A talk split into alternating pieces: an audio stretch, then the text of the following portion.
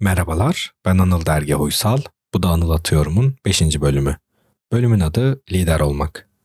Aslına bakarsanız bu konuda o kadar çok şey söylendi ki Google'a lider olmak yazdığınızda saniyenin yarısı kadar bir sürede 21 milyon 500 bin tane içerik sıralanıyor. O yüzden böyle bir bölüme gerek var mıydı ya da çok konuşulmuş olması benim üzerine fikir beyan etmeme engel mi diye uzunca bir süre düşündükten sonra podcast'i kaydetmeye karar verdim. Madem liderlik üzerine konuşacağız, o zaman lider derken neyi kastettiğimizi anlatacak bir tanım yapmamız gerekir. Öyleyse sözcüğü biraz inceleyelim. Lider sözcüğü çağdaş bir sözcük. İngilizce lead kökünün er eki almasıyla oluşuyor. Er eki İngilizce'de işi eyleyen kişiyi ifade ediyor.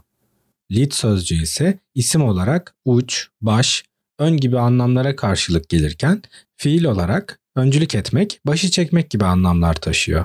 Sözcüğe Türkçe karşılık olarak önder, öncü, başkan gibi sözcükler öneriliyor.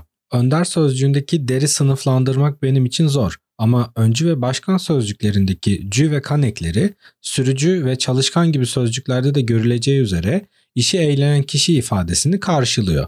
Şekil yönüyle baktığımızda bana en doğru Türkçe karşılığı başkanmış gibi geliyor. Ancak başkan sözcüğü zihnimde bir makamı çağrıştırırken lider sözcüğü bir kişilik özelliğini çağrıştırıyor. Sanırım sözcüğün benim için aşağı yukarı ne anlam ifade ettiğini açıklayabildim. Öyleyse lider sözcüğünü bir de başka sözcüklerle kıyaslayarak anlamaya çalışalım. Mesela kumandan ya da komutan kıyaslamak için iyi bir sözcük olabilir.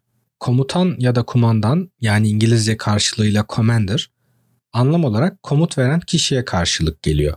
Bence komutan ve liderin farkı şurada ortaya çıkıyor.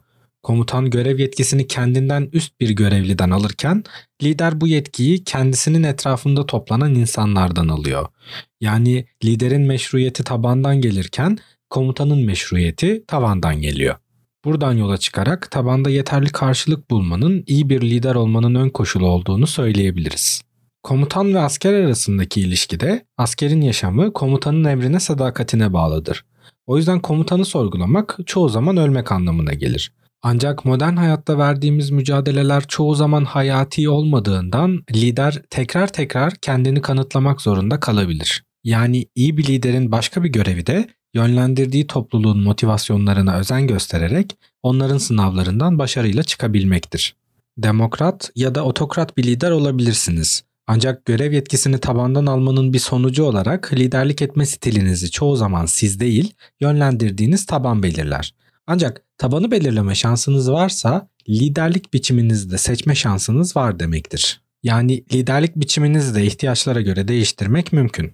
Kişisel gözlemlerime dayanarak şunu söyleyebilirim ki otokrat liderlerin etrafında kümelenen topluluklar genelde kendi çıkarlarını öncelerken demokrat liderlerin etrafındaki toplulukların öncelikleri ise kişisel ilkeleri oluyor.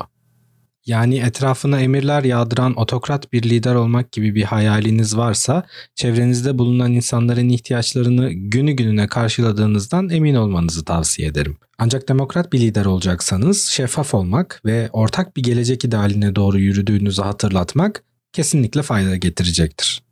Liderlik meselesi bizim için çok tartışmalı. Üstelik günlük hayatın içinde liderlik sorumluluğunu alması gerekenler çoğu zaman çeşitli bahanelerle bundan kaçıyorlar. Hele ki yeni liderler yetiştirmeye gelince bu insanların tozunun izini bile bulamaz oluyorsunuz. Hal böyle olunca ben de konuyu kendimce bir ele alayım istedim.